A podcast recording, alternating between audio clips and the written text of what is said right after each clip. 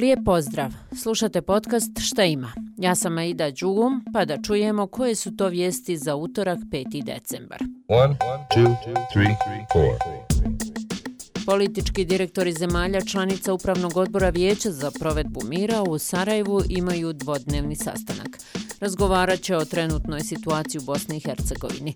Posljednja sjednica PIKA održana je 7. jula, a tada je visoki predstavnik Međunarodne zajednice u BiH, Kristijan Schmidt, ponovio da će Međunarodna zajednica odlučno podržavati Bosnu i Hercegovinu koliko bude potrebno.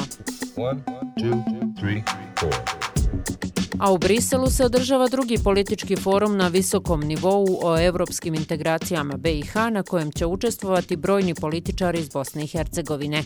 Političkim forumom predsjedava Evropski komesar za proširenje Oliver Varhelji. Delegacija iz Bosne i Hercegovine je brojna.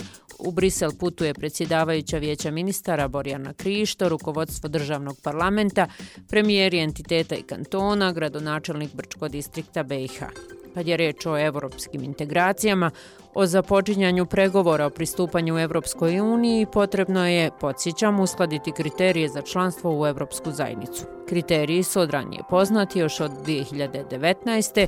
i to kroz 14 prioriteta koje BiH mora ispuniti. Ovog utorka pred sudom Bosne i Hercegovine biće izrečena presuda u predmetu koji se u protekle dvije godine vodio protiv bivšeg ministra sigurnosti Selme Cikotića. On je optužen da je zloupotrijebio položaj te da je oštetio budžet BiH za oko 9,7 miliona maraka u vrijeme kada je bio na poziciji ministra odbrane. Prema optužnici Cikotić se tereti da je nezakonito pogodovao kupcu hrvatskoj firmi Scout na štetu ministarstva kojem je rukovodio tokom plana izvoza i prodaje viškova za starijelog naoružanja, municije i vojne opreme.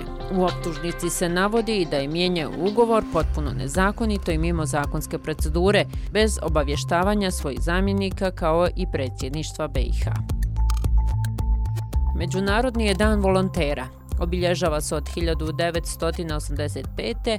a Generalna skupština UN-a ga je ustanovila kako bi se volonterski i dobrovoljni rad učinio vidljivim na lokalnom, nacionalnom i međunarodnom nivou. Volontiranje je izraz solidarnosti.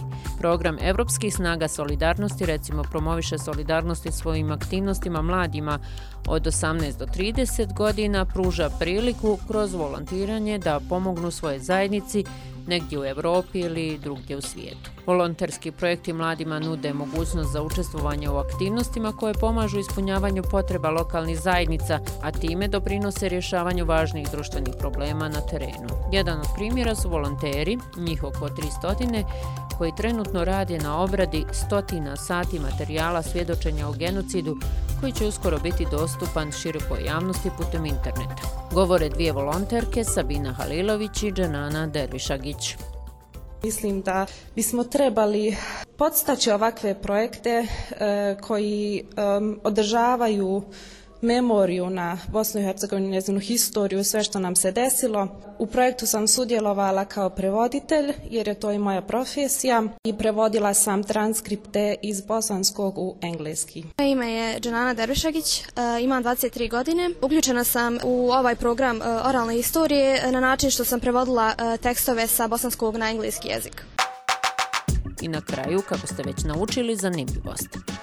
Ne znam da li ste čuli da je danas Međunarodni dan Ninji, koji je posvećen pamćenju i poštovanju ovih drevnih ratnika Kine i Japana. Originalni ninđe su bili ratnici Iga provincije Japana tokom perioda Sengoku, piše portal Days of the Year. Kad se pomenu ninđe, ja se odmah sjetim filmova o ninđama ili barem ninja kornjačama. I što da vam kažem, nego da vam želim da lagano i uspješno prođe ovaj utorak i čujemo se ponovo sutra.